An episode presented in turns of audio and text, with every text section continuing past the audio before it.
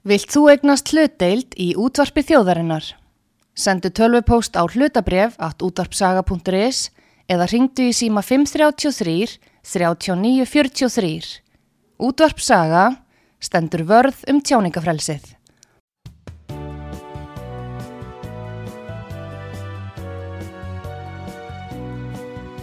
Sýtiðis útvarpið með Artrúði Kallstóttur og Pétri Gunnlaugsinni. Þar sem ekkert er gefið eftir.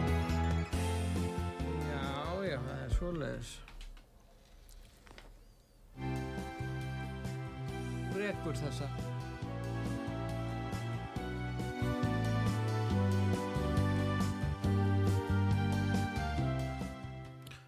Góðir hlustendur, þér að hlusta á útvart sögu, ég heiti Pétur Gunnlaugsson og gestur minn í þessum þætti er Einar G. Harðarsson, hann er löggittur fastegnarsæli og rekur fastegnarsöluna Kaupstað. Velkomin til okkar. Já, kontur sæl og þakka þið fyrir. Nú hérna, e, þú ert að bjóða upp á þjónustu og þið hjá Kaupstað sem er kannski hérna, já ekki frábrúðin en svona býður upp á aðra kosti fyrir uh, seljandan, þann sem er að selja og sem gæti leitt til þess að seljandin til að greiða, kæmst upp með að greiða talsvert læri söluþoknan. Útskýri þetta fyrir okkur. Já, ég, mér langar nú að byrja á því að þakka kærlega fyrir bóðið í þennan þátt núna og ekki síður fyrir þáttin sem ég var hérna í fyrir nokkru síðan og mótökurna sem við höfum fengið hjá hlustendum út á sögu og þær eru í raun og veru alveg frábærar og ég er bara mjög ánaður með hvað mikið margir, hlustun eru á, á þessa stöð? Margir að hlusta. Og, og, og, hérna, og viðbráðin við fundum fyrir miklu viðbráðum Já. mjög fljótt og uh, það er náttúrulega gríðarlega mikið aðrið að fólk uh, hlusti og viti og fylgist með því sem er að gerast vegna þess að þegar að menn ríða á vaðið með nýjungar þá eh, skiptir auðvitað öllu máli að fólk taki eftir þeim og, og, og stökku á vagnin vegna þess að ef enginn stekkur á vagnin og býður alltaf eftir að næsti stökku mm. sem ekki er neitt næsti ef það er enginn fyrstur Já. að þá eh, verður náttúrulega ekkert úr neinu en, en uh, það, er, það er alveg öfufarið með, með okkar mál það eru gríðarlega margir sem hafa stokkið á vagnin og og margir sem hafa hlustað á hótelsögu, nei hérna útvarsögu, ég var nú ekki að hugsa um hótelsögu en, en útvarsögu á, á þeim tíma. Og, eh, og við erum auðvitað mjög þakklátt fyrir það að fólk skuli taka eftir okkur. En svona til þess að segja aðeins frá sko þessari byltingu sem er á markaðnum og við kallum þetta byltingu en en bilding hún er ekkit eitthvað sem gerist á einu degi. Það er sko undirbúningur hjá okkur er búin að vera í 2,5 ár og eh, á hápunkti tímabilsins sem var svona nánast allt árið í fyrra eða stór hlut af því þá vorum við með 15 forriðara í fullri vinnu 5 sérfræðingar sem voru lagumenn endurskoðundur og fastegnasalar þannig að það er sko mikið ílagt til þess að þetta virki. Nún í dag hefur fækkað, ég held að séu uh, áttamanns í dag, við erum forreitarar og, og endurskoðandi og uh, hagfræðingur sem er núna með okkur og uh, það er greinilegt að, að neytendur skilja hvað er, er í húfi e, ef að ef að til dæmis þetta virkar ekki eða, eða þetta gengur ekki upp þá, þá fer þetta náttúrulega bara allt saman í sama farið aftur. Og uh, þess vegna er, er hérna mikið atrið að þetta virki og, og við erum mjög sko þakkláti þeim, vegna, þeim sem að hafa stokkið á vagnin vegna þess að svona stórt uh, verkefni það kemur ekki fullfætt á markaðin, það eru nögrar og, og, og forreitarar vita kannski eitthvað á að gerast en, en ekki nákvæmlega eitthvað röð á að gerast svo leiðis að við þurfum kannski að laga röð og ákveðnu hlutum og svo, Þið svo erum að sko. bjóða upp á samkeppni í fasteignarsölu. Við erum að bjóða upp á gríðarlega öfluga samkeppni og hún felst í því að ef að þú setur eign í sölu hjá okkur og eh, þú vilt sína sjálfur og, eh, og taka myndir sjálfur þá kostar það 279.000 með virðisöka skatti. En gildir það, skiptir ekki máli hvað hva dýregnin er þá? Það skiptir engum máli. Það er bara fast verð. En ef ég kæmi með, til, með 100 miljón krónu eign til þín og, og hérna og uh, hvernig myndi þetta ganga fyrir sig?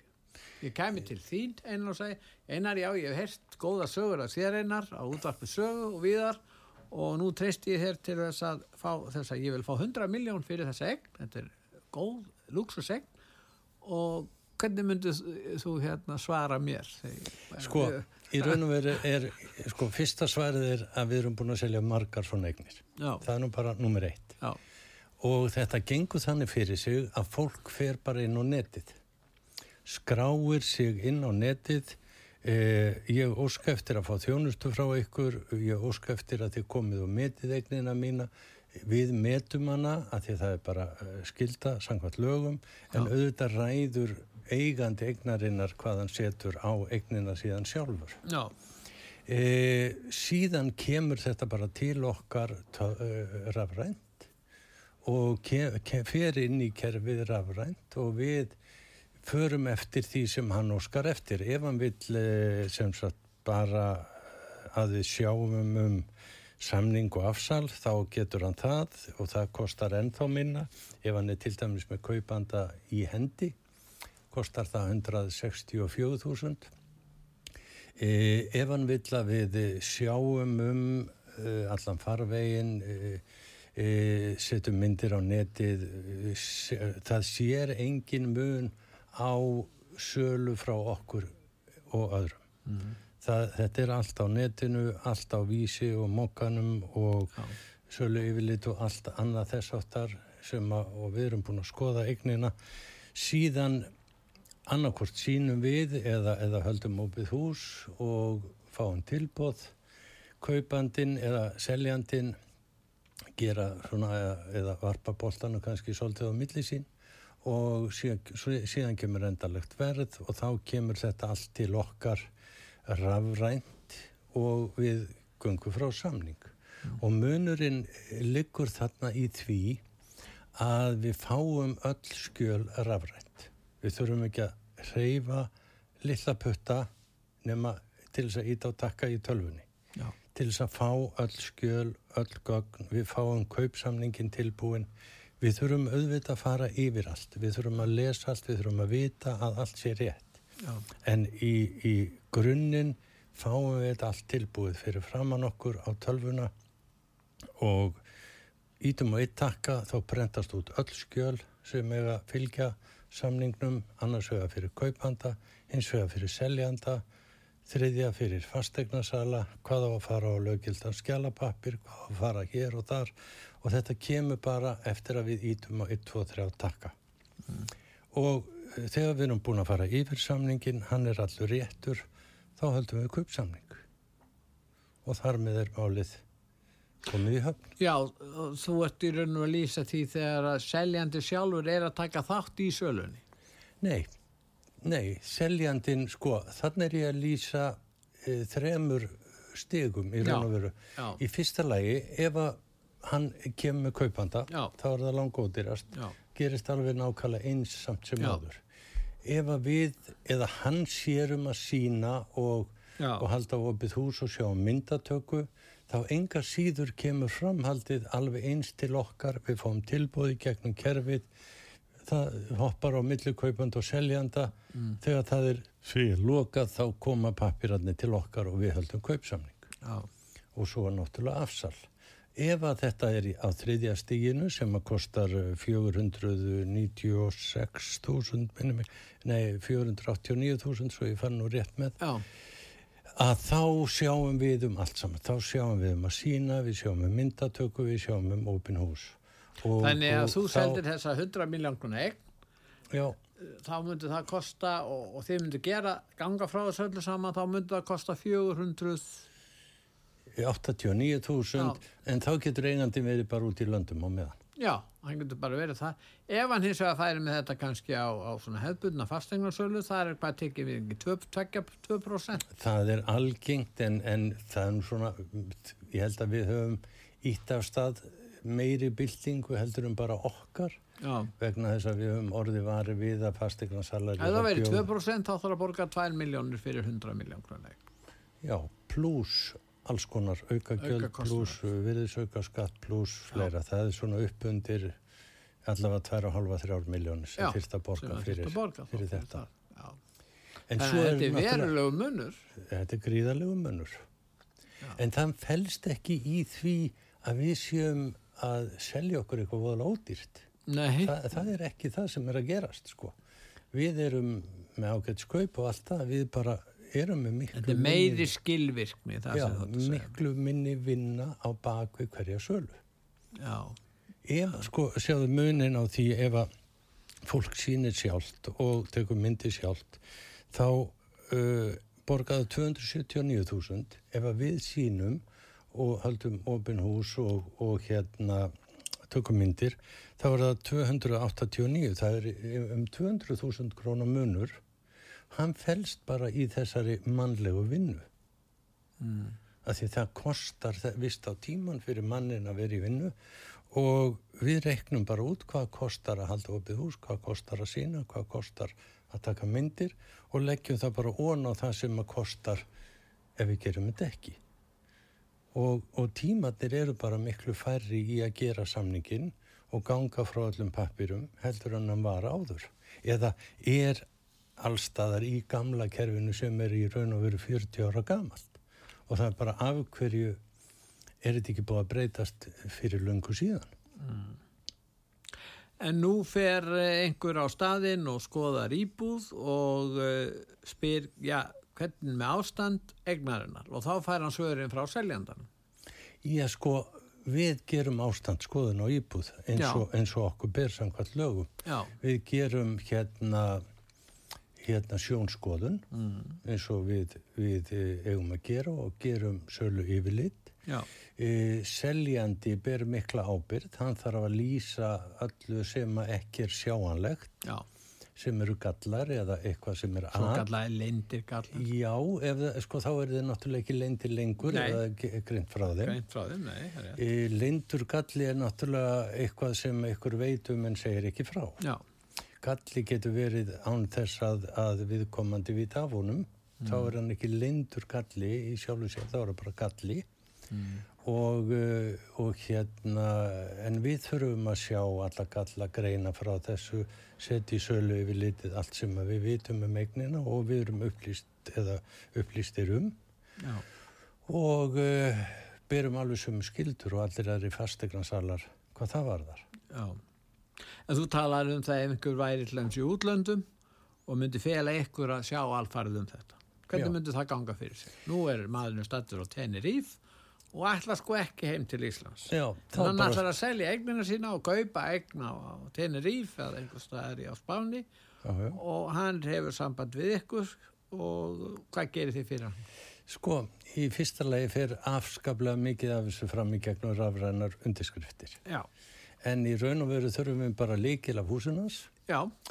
og svo gott sem uh, þar með upptalið. Fyrirverðandi konan hefur, hefur líkilin á húsinu? Já, já, já, já eða, eða, og umbóð frá honum að því að sko e, þinglýsingar í dag er ekki komnar á þá stig að, að það sé hægt að þinglýsa kaupsamningum.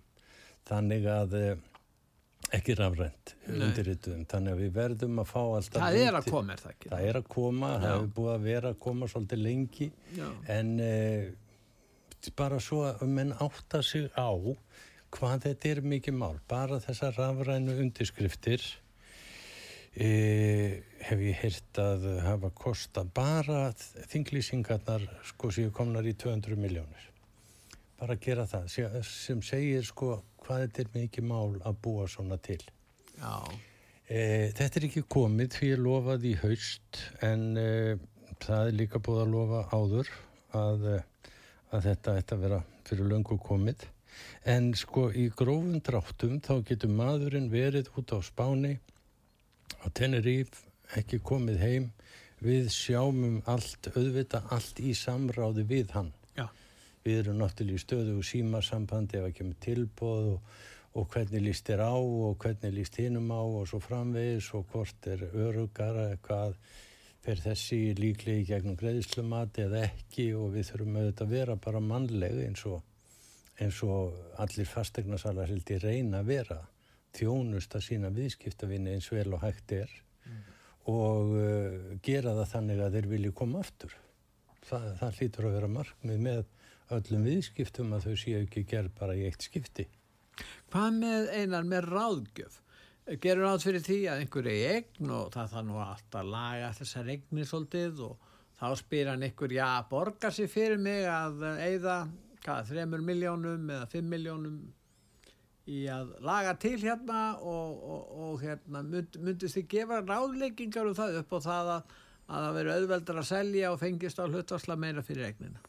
Við gefum öll ráð sem við getum Já. og gerum það bara bestu saminsku. Já, já, Og stundum ge gefum við þau ráð að, að gera ekki neitt vegna Já. þess að við búumst við því að fólk komi bara og rífa allt út og setja allt nýtt. Þá er engin ástæði til að vera að fara þá. Nei, það er kannski ferða miljón meira fyrir 5 miljón króna aðgerð en fólk vil ekkert borga meira því að það hvort þeir að henda allt. Já, einmitt. Svoleiðis að, að við reynum að meta það bara og gefa allar ráð sem að, sem að við getum.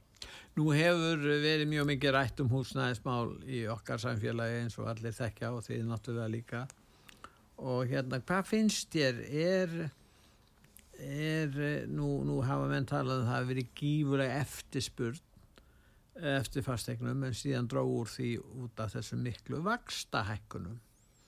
Er þetta ekki tímabundi þessar, eh, hérna, þessi samdráttur á sölu fastegna vegna vaksta hækkana, hvað telur þú? Vilt þú hafa skoðun á því?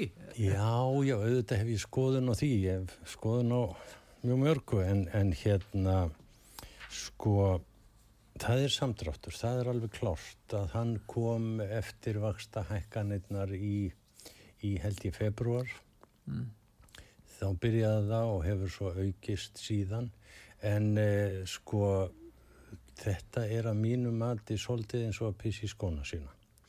Vegna þess að þörfin á húsnæði er svo mikil og uh, eftirspurnin uh, þar að leiðandi gríðarlega mikil að uh, sko verðlækkanir eru ekki að eiga sér stað en auðvitað eru miklu færri sem geta keft það er búið að setja þannig skorður að, eh, að eh, það eru færri sem geta keift en eh, enga síður er ákveðin fjöldi alltaf að slást um það sem að fer á markað og eh, markaðurinn er frekar að hækka heldur en að lækka.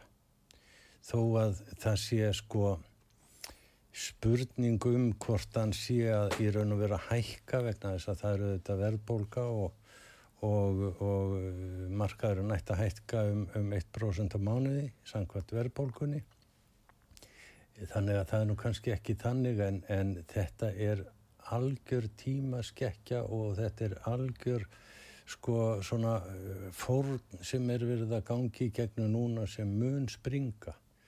Fastegna markaðurinn hann mun ekkert frostna, hann mun ekkert hverfa. Það, það er bara meir og meiri þörf. Já, og uh, það sem er að gerast í raun og veru er það að uh, leiga er orðin það há já, að fólk er að taka eignir af sölu eða setja þær í leigu vegna þess að það fær svo mikið út úr því að leiga þær og taka þær af markaðnum uh, sem satt í sölu sem að er svona komið í ákveðin spíral sem að sko eftir því sem að hann fær að ganga lengur þeim erfiðar verður að komast út úr honum. mm. En uh, sumir segja sko að það þurfa að byggja meira og byggja meira sem er auðvitað alveg rétt. Það, það er allt og lítið byggt en uh, enga síður með því að hækka vexti þrengja að kaupendum, sérstaklega eh, byrjunar kaupendum eða, eða þeim sem kaupi fyrsta sinn að þá er verið að að hérna e, sko auka eh, eftirspurnina af, af eh, eftir peningum auka eftirspurnina eftir svo mörgu öðru sem að sko verður til þess að byggingu frekar fækkar heldur en, heldur en aukast. Mm, þá, verður, þá verður minna frambóð. Já.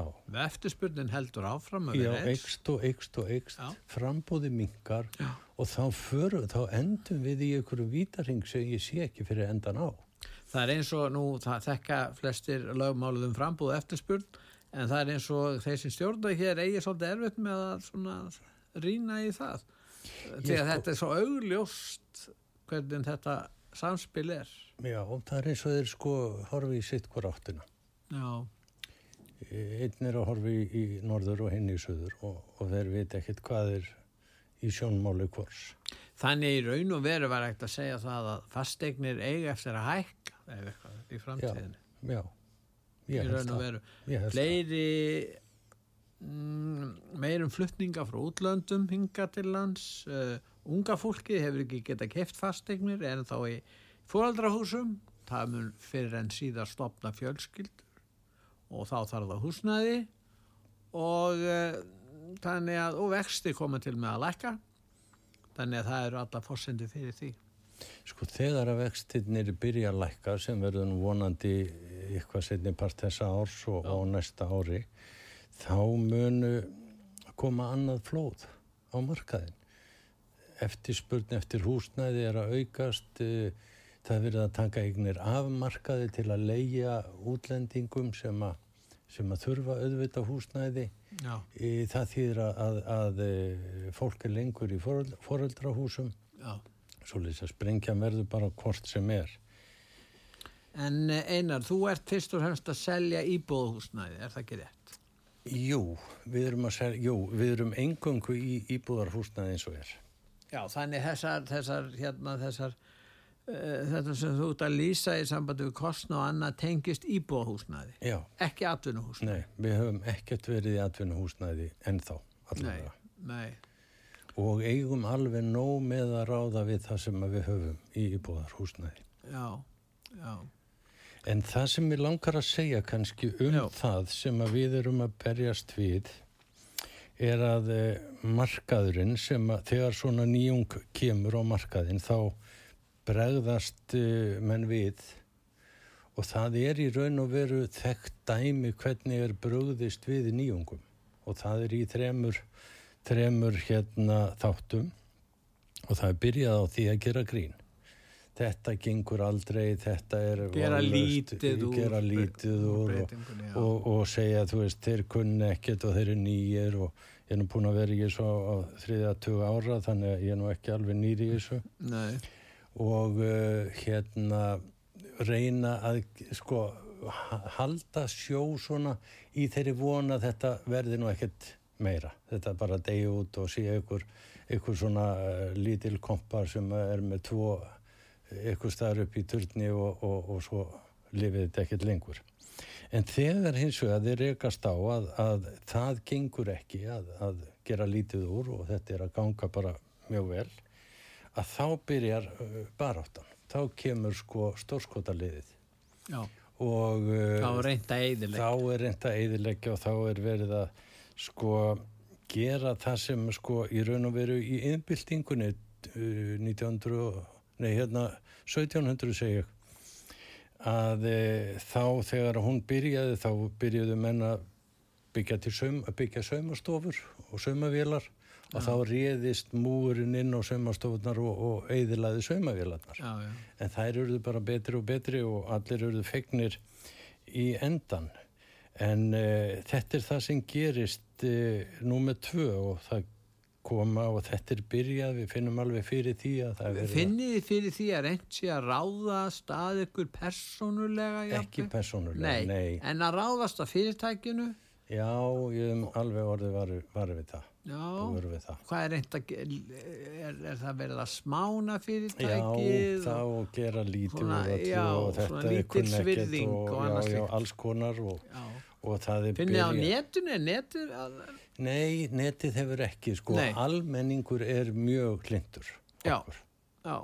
það er alveg augljóst að við fáum gríðarlega mikið lof frá fólkin í landinu. Er... Ja, þeir eru opnað fyrir samkeppni sem hefur ekki verið á þessu svið. Já, já, og, við, og hún er ekkit lítill. Nei. Hún er bara gríðarlega mikil. Já. Og, og, og það er engin leið að stoppa þessa samkeppni þó við erum stoppaði þá kemur bara einhver annar vegna þess að þetta er til já. og þetta er komið. Já. Og það þýðir ekkit að stoppa svona framfarir. Það er bara spurning sko hverju gera þær og uh, hversu fljótt þær, gerast. En það sem að gera svo á þriðja stíinu þegar menn komast að því að þeir sjá að það, það gengur ekki að eðilegja að þá koma menn og segir já ég vissi nú að þetta var alltaf það sem átt að koma og ég var nú alltaf sammálað þessu undir niðri og, og þetta er náttúrulega bara æðislega og vil ég ekki kannast við fyrir gaggrín nei, nei, nei, nei, kannast ekki við neitt vond í þessu máli sko. Þannig að, að þetta er svona ferillin sem við sjáum bara fyrir okkur að við þurfum að gangi í gegnum.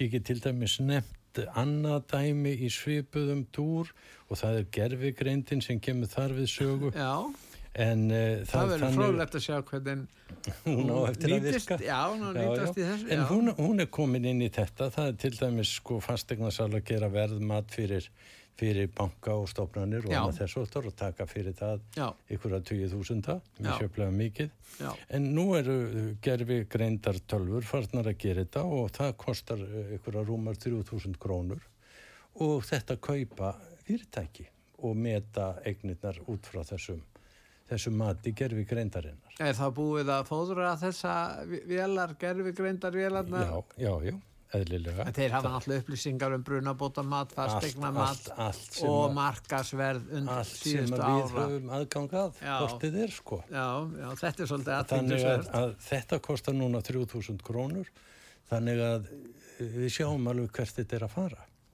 En já, þetta er, er mjög aðtækningsverð. En er ekki þá svona eins og tala um bank og aðra, vilja þeir ekki hafa viðskipti við ykkur til að spara því að þessar stóru stofnarnir sem eru kannski með margar fastegnir og ég tala nú um byggingamestarar og aðrir, ég menna þeir sem eru að byggja margar blokkir og þetta er talsverðu kostnaði fyrir þá við erum, það, ég veit ekki hvað ég má segja mikið en, Já, þú ert alltaf útvarfið sögu. Við, við erum ekki, ekki hefta tjáningafrelsi ég, já, ég getum alltaf sagt sko, í hljóðmennan hljóðnemann, sko, ég skal segja ykkur í trúnaði. Nei. það er svona daldið hæpið. En, eh, en það er í farvatninu mikið af, af nýbyggingum. Já sem að koma til okkar Þannig að þú skinnjar það það eru me, komin meiri samkeppni og það verða allir að reyna að finna bestu verðin á bestu gæðin Já, og sko bara í okkar tilviki þá eru stóri verktakar að spara hundruðu miljón bara marg, marg hundruðu miljón Já Já. og þetta vita þeir og, og þeir eru líka komnir inn ef svo má segja á þess að það sé orðið ofinbært já, já, já þannig að, að já, já, við erum ekkert við erum ekkert að fara út á einhverju þessu fyrstu eða öðru stígi, sko. Nei. það, er ekki þannig. Nú við ætlum að fara í stutt auðsingalíu en hérna góðir hlustendur, þið er að hlusta á útvart sögu, ég heiti Pétur Gunnlaugsson og ég er að ræðum fastegnamarkaðin og uh, fastegnasölu sem ber heitið Kaupstaður og Einar Harðarsson hann er löggiltur fastegnarsali hann kemur fram fyrir hönd þessa, þessara fastegnarsölu og er eiganda hennar og er einn af þeim sem rekkur hana. Nú verum að lýsa því hér hvernig þeir eh, hafa, er að innleiða nýja eða ákveðna þjónustu í sambandi við sölu á fastegnum það er að segja sem leiðir til þess að söluþókninu verður talsvært læri en við höldum áfram að ræða um þetta en við ætlum núna að hlýða á auðlisingar og eftir auðlisingar hlýða þá höldum við umræðinni áfram.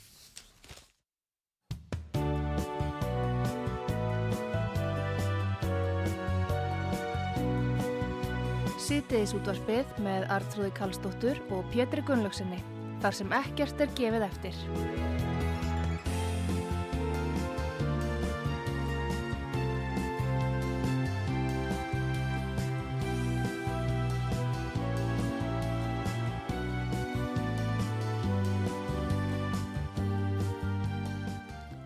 Góðir eh, hlustendur, þér að hlusta á útvartsögu, ég heiti Pétur Gunnlaugsson og gestur minn í, í þessum þætti er Einar G. Harðarsson. Einar er uh, löggiltur fastegnarsali og fyrirtæki hans ber heitir Kaupstaður og fastegnarsala og er núna í Nóatúnu 17 þeir eru nú eftir að fara að flytja en uh, símin hjá þessu fyrirtæki er 454 0000 þannig að auðvitað að munna þetta 454 og svo 40 nú og síðan er það kaupstaður at uh, kaupstaður.is fyrir þá sem vilja hafa tölur samskipti við fyrirtækið. Nú við veitum það náttúrulega einar að það er eitt stærsta þjóðfélags vandamál nútímans á Íslandi, það eru húsnæðismál og uh, hérna, og allir þeir sem eru að reyna að laga stöðuna eiga náttúrulega ekkert að maður gott skilið og vonandi að þeim gangi vel. Og við vitum það vel að hefur þú orðið varfið það að, eða fundist að, að eh, byggingavertakar svona að draga sér í hlýja? E, sko það er alveg rétt að, að, að húsnæðismál eru okkar staðista vandamál í dag Já, já. Í, í, í bara uh, öllum skilningi vegna þess að þau hafa áhrif á svo gríðarlega margt og, og í raun og veru sko er náttúrulega ekki bara húsnæðisvandin húsnæðisvandin kemur náttúrulega af því að það er gríðarlega fjölgun í landinu. Stærsta kjaramálið það er húsnæðismál. Já og uh, þegar að svona óstjórnleg fjölgun er sem enginn reknar með og enginn gerir áallanur og enginn skoðar hvað gerist ef þetta og þetta gerist þá koma menn náttúrulega bara og fá sko hörðin í andlitið vegna þess að e, það er sko svo óstjórnlegt hvernig e, er nýðst á þjóðfélaginu ekki bara í húsnæðismálum heldur í heilbreyðismálum, mentamálum og fleira og fleira og fleira af þessari fjölgun. Og það, það, er, það er óstjórnin í þjóðfélaginu sem að sem að gera það verkum að húsnæðistörfin er svona mikil. En, eh, en hún er eitthvað sem að sko er svolítið heima tilbúin vegna þess bara til dæmis eitt lítið dæmi sem að uh, er ekkert nýtt að uh, það fór fyrirtæki fram á það að byggja í kvelli 900 íbúðir e, sóttum lóðir og, og sagði bara við skulum byggja í kvelli 900 íbúðir og þá leggjum við okkar að mörgum. Og hluta því áttu að vera leiguhúsnæðir. Já, akkurat. Já. E, þetta var sett í ferli. E, ferlið var þannig að e, að þetta fór í einhverja nefnd og skipulast nefnd og það eru fjóri, fimm mánuði síðan, það hefur ekki komið neitt svar nema það að þetta verður að fara í útbóð vegna þess að við getum ekki leift ykkurum einum að fá lóðir án þess að aðrir hafi möguleika á að, að sækjum og svo framvís og svo framvís. Nú er búið að tefja máli sem sagt um halvt ár með enga niðurstöðu og uh, þetta fyrirtæki er ekkert að fá þessa lóðir að þeirra viti. viti. Svoleiðis að sko heima tilbúningurinn er alveg ótrúlegur. Já. Þetta er, er borgin sem heldur bara klæru síningar og þetta verður svo fínt og lott en svo kemur bara ekki framkvæmdinn.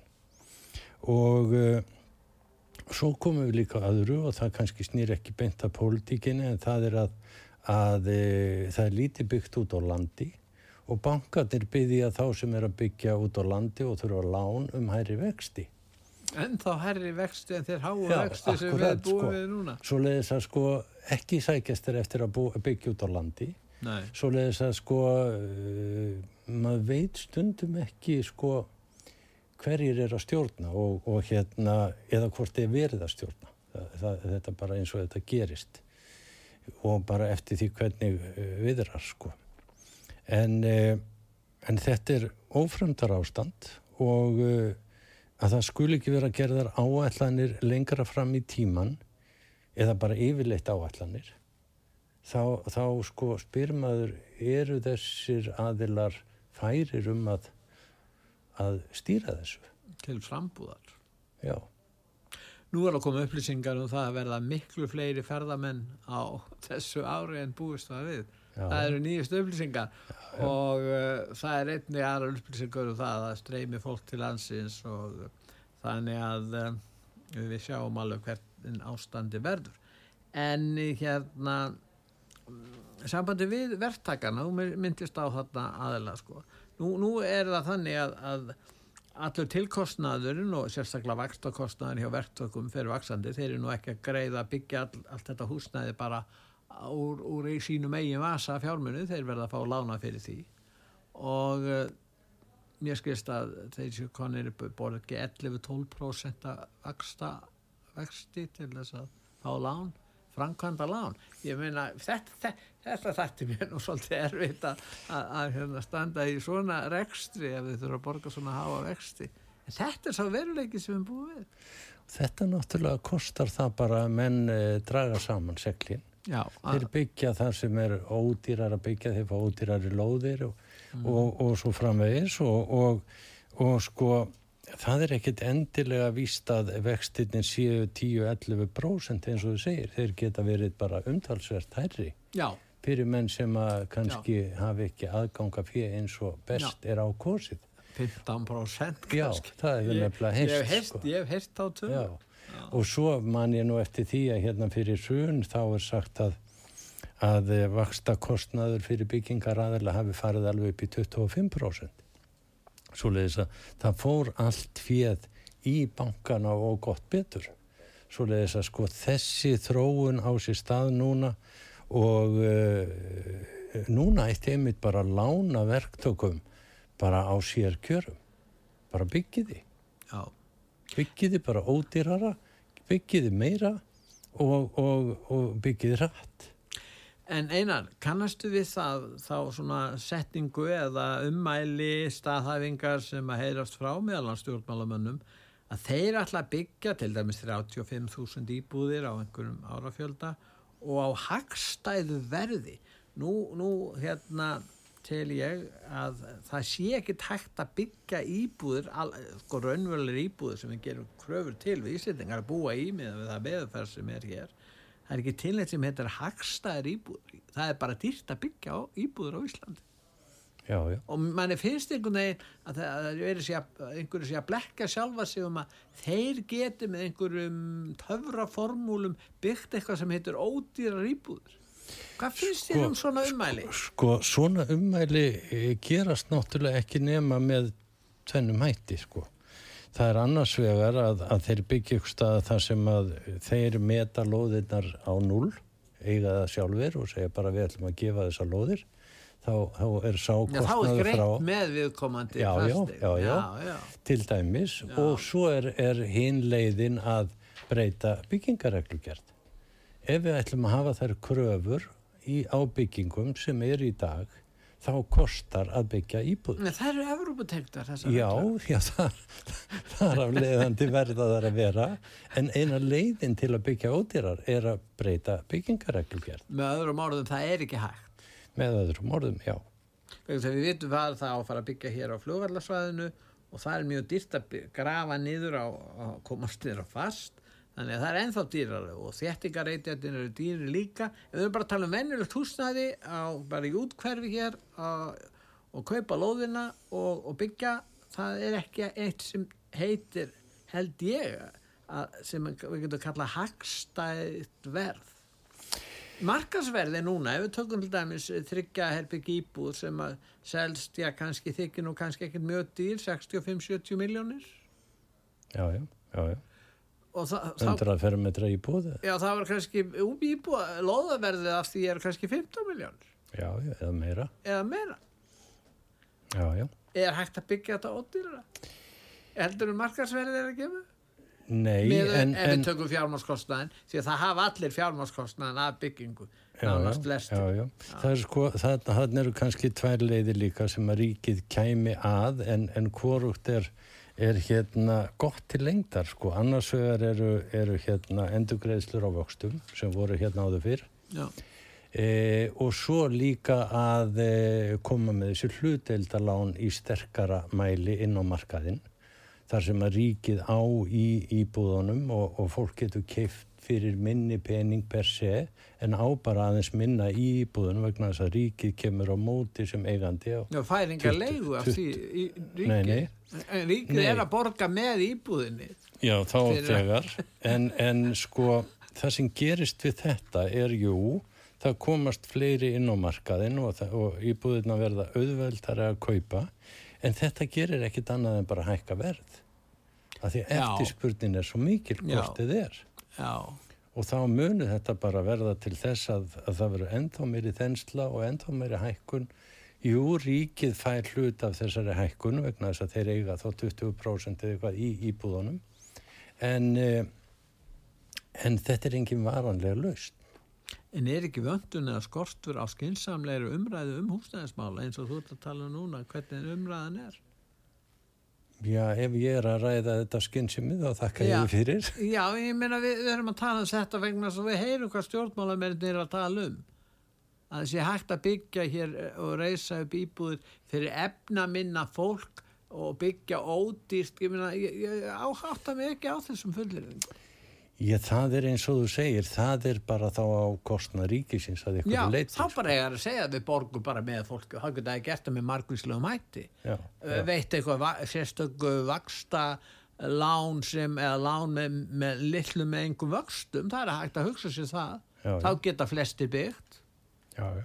En svo ætlum ég nú að skjóta inn í, sko, að það er líka hægt að lækka kostnað af kaupum og íbúðaverði Já, með því að, að eh, selja eignina hjá okkur. það er það sem þið er að gera. Þið eruð í samkeppninni og það hefðu fáið kannski trúa því að það væri hægt en nú hafið þið sínt fram á að þetta er hægt og ef það er hægt að, að innleiða samkeppni varðandi þóknun á sölu fastegna þá á það að vera hægt á öllum öðrum sviðum. Já, já, já. Er ekki þetta sem er því að það þarf að gefa fordæmið því að menn trúa því ekki að þetta sé hægt? Eins og þú varst að segja áðan varandi stígin þrjú. Já, fyrst ekki hæðast menn að þessu síðan berjast menn gegn þessu og lokum viðkenna að þetta var bara sjálfsagt að gera þetta. Og þetta er það sem við erum að horfa á líka varðandi aðra þætti í samkeppni í bygginga yðnaði Og ekki bara í byggingaðinaði, við bara sjáum þetta í bara já, í okkar samfélagi sem er e, e, sko aðþrengt og það er svo, það er svo sko gerir okkar að dýrasta eh, samfélagi til að búa í bara í já, Evrópu já, já.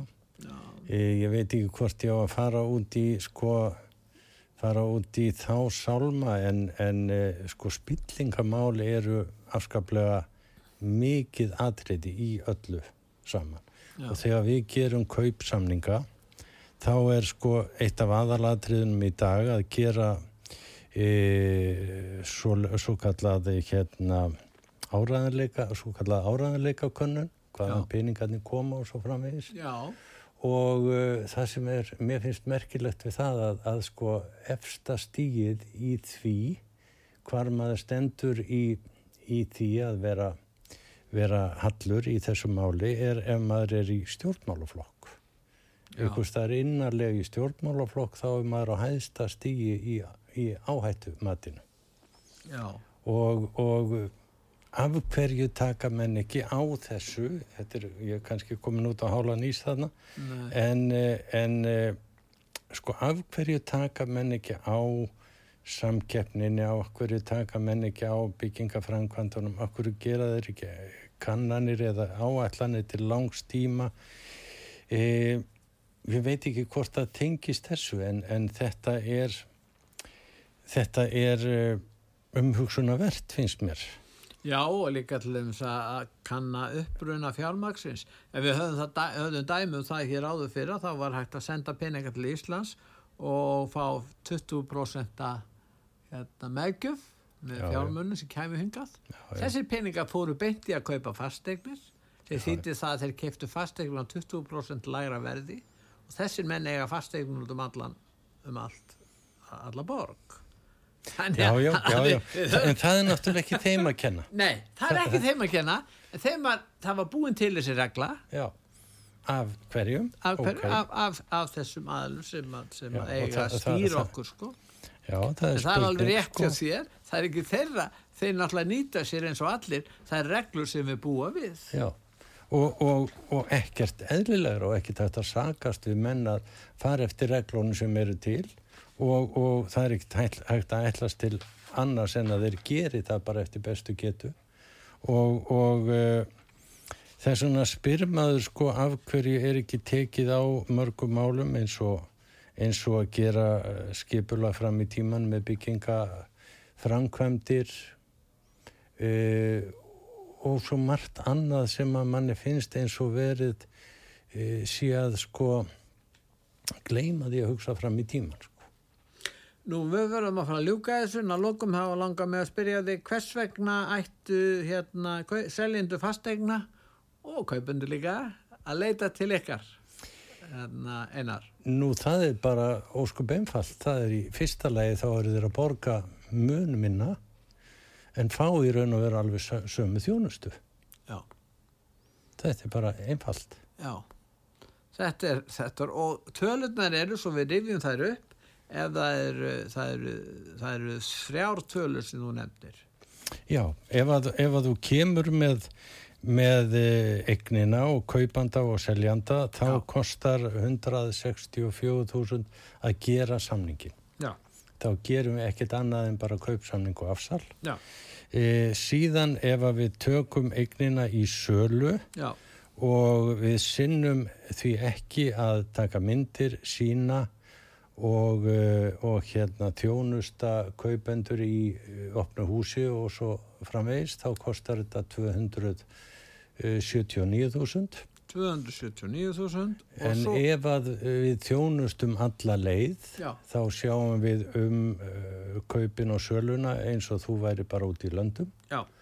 og þá kostar það 489.000 og, og þetta er allt með virðisauka skatti og þetta eitt og sér ánáttúrulega vera ansi góð ástæða til þess að að e, selja eignina hjá okkur. Já. en auðvita verður að vera traust og, og, og trygg fastegnarsala sem sérum málinn á mjög vandaðan máta. Og það er það sem við gerum. Og sími hjá okkur er 454 0000 þetta er nú gott númer sem þið eru með og síðan er það kaupstaður at kaupstaður.is er það ekki rétt hjá mér? Jú, þetta er alveg rétt. Einmitt og gangi ykkur vel einar í samkeppninni og það er mjög losvert að þið skulle vera með fyrirtæki sem er að ná fram hér samkeppni og við íslitingar um allt og vantrúar á samkeppni. Já, það held ég. En ég þakka að kellaða fyrir mig. Ég þakka fyrir að koma til okkar einar. Takk. og ég þakka hlustendum út var sögu fyrir að hlusta. Verið í sæl